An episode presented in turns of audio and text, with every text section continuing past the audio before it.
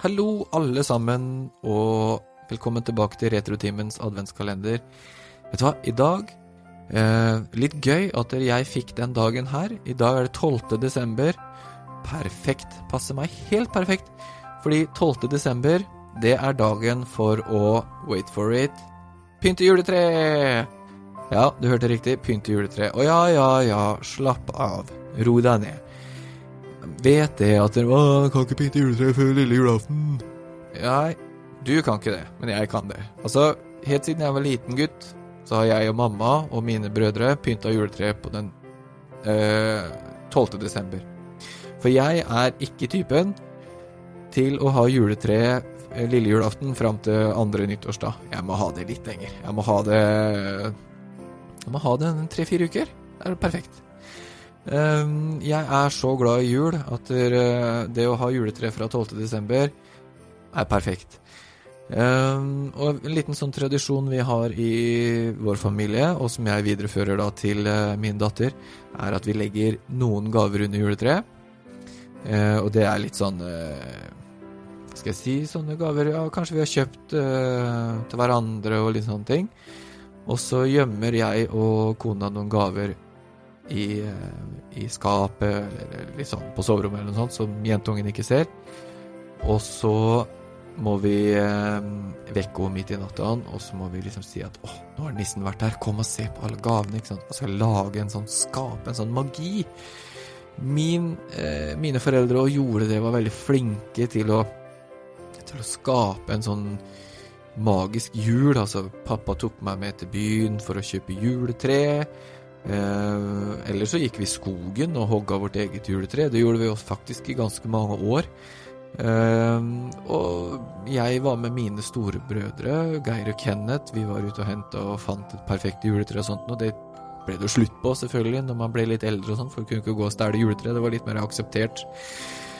Oh, nå snakker jeg så jeg mister stemmen. Men det var litt mer akseptert eh, når man var eh, tolv, eh, enn det var når man er 22. og går og stjeler juletre, det går ikke an. Så det er en kjempetradisjon eh, rundt den tida her, 12. desember, pynte juletre. Det gleder jeg meg til. Det skal jeg gjøre i kveld med familien min. En annen ting er jo det å finne det perfekte juletreet. Det er ikke lett. Eh, edelgran, vanlig gran Drøsser, ikke drøsser, plasttre. Um, ok, jeg skal fortelle en liten hemmelighet her, og det, det gjør litt vondt i sjela. Men vet du hva, i fjor så kjøpte jeg faktisk et plasttre. Men det skal sies, jeg kjøpte ikke den billige, billigste plasttrea som ser eh, helt, unnskyld uttrykket, jævlig ut.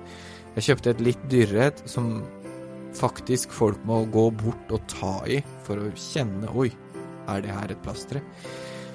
Men jeg mister jo den lukta, da.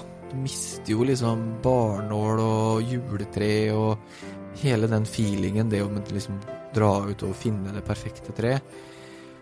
Men jeg må si det med hund i hus, en jentunge på tre, eh, ja, diverse, så er det fryktelig deilig å slippe alle de her barnålene og sånn. Så jeg har faktisk eh, gått til innkjøp av plastikkjuletre, altså. Det er litt tragisk, men samtidig veldig deilig. Um, så jeg skal prøve meg på det i år. Jeg hadde plaster i fjor, var ikke helt uh, helt fornøyd med det, men uh, mest fordi jeg mister litt av den følelsen. Så jeg skal prøve igjen i år. Og hvis det helt, blir det samme i år, så er plasteret ut. Da hiver jeg det på dynga, og så blir det ekte juletre framover her for eh, familien Rusten. Ok, en annen ting som er eh, en stor tradisjon i Rusten-familien, det er å hente broderen hjem fra Oslo. Altså, for meg eh, så er det ikke jul uten min kjære bror Geir. Um, og, altså, jeg og Geir, vi, vi har vært uh, veldig gode brødre og har et veldig spesielt forhold, uh, og alltid hatt. Uh, og, og, når min bror da flytta til Oslo, så var det helt uaktuelt for meg å ikke ha han hjemme når, på julaften. Så det vi gjorde der, egentlig, var å bli enige om at i jula så kommer du og bor hos oss. Eh, og, og er hos oss. Er med på alle juletradisjoner og det som er. Eh, og med det så Altså, min kjære bror har jo en katt. og han kan jo ikke dra fra den katten i en uke, så den katten må jo også være med hjem. Så hele den greia her med det å hive seg i bilen på torsdag eller eh, fredag, altså i år, da, så blir det jo torsdag eller fredag. Kjøre til Oslo og hente bror. Få han med hjem, få han i hus, og så da, da da starter eh, julefeiringa for oss. Så lille julaften, eller bitte lille julaften, som vi sier, så, så er den en av de største tradisjonene er å få, få bror i hus. Eh, nå skal bror flytte til eh, Halden, forhåpentligvis i løpet av neste år, og vi har allerede snakka om det, at det blir fortsatt ikke jul, fortsatt ikke jul uten bror.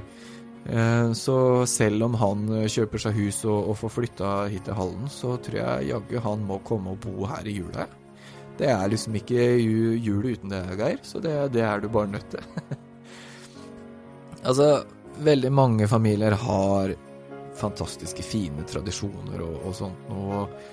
Altså, det har vi òg, men det her er litt kanskje utenom de vanlige tradisjonene som å spise ribbe på julaften og sånne ting. Um, så jeg sitter egentlig bare og babler og, og koser meg med at det er liksom den fine tida. Jeg savner bare litt snø. Jeg ville veldig gjerne hatt litt snø. Um, det, det, er liksom prikken på i-en, så jeg håper for alt i verden at vi får masse snø på julaften. Um, med det så tror jeg jeg takker for meg i dag. Det har vært en uh, enkel episode med litt, uh, litt uh, babbel fra, fra, meg og hva som skjer på 12. desember. Nå skal jeg ta turen opp på loftet, ta med meg jentungen, og så skal vi få pelt ned juletre og all julepynt og sånt noe. Og så blir det Nå blir det jul i huset, altså, det skal jeg love deg. Så da blir det julepynt, og nå blir det juletre, og nå blir det julemusikk. Ha en fantastisk 12. desember, alle sammen. Kos dere masse. Vi høres igjen om ikke så lenge. Ha det.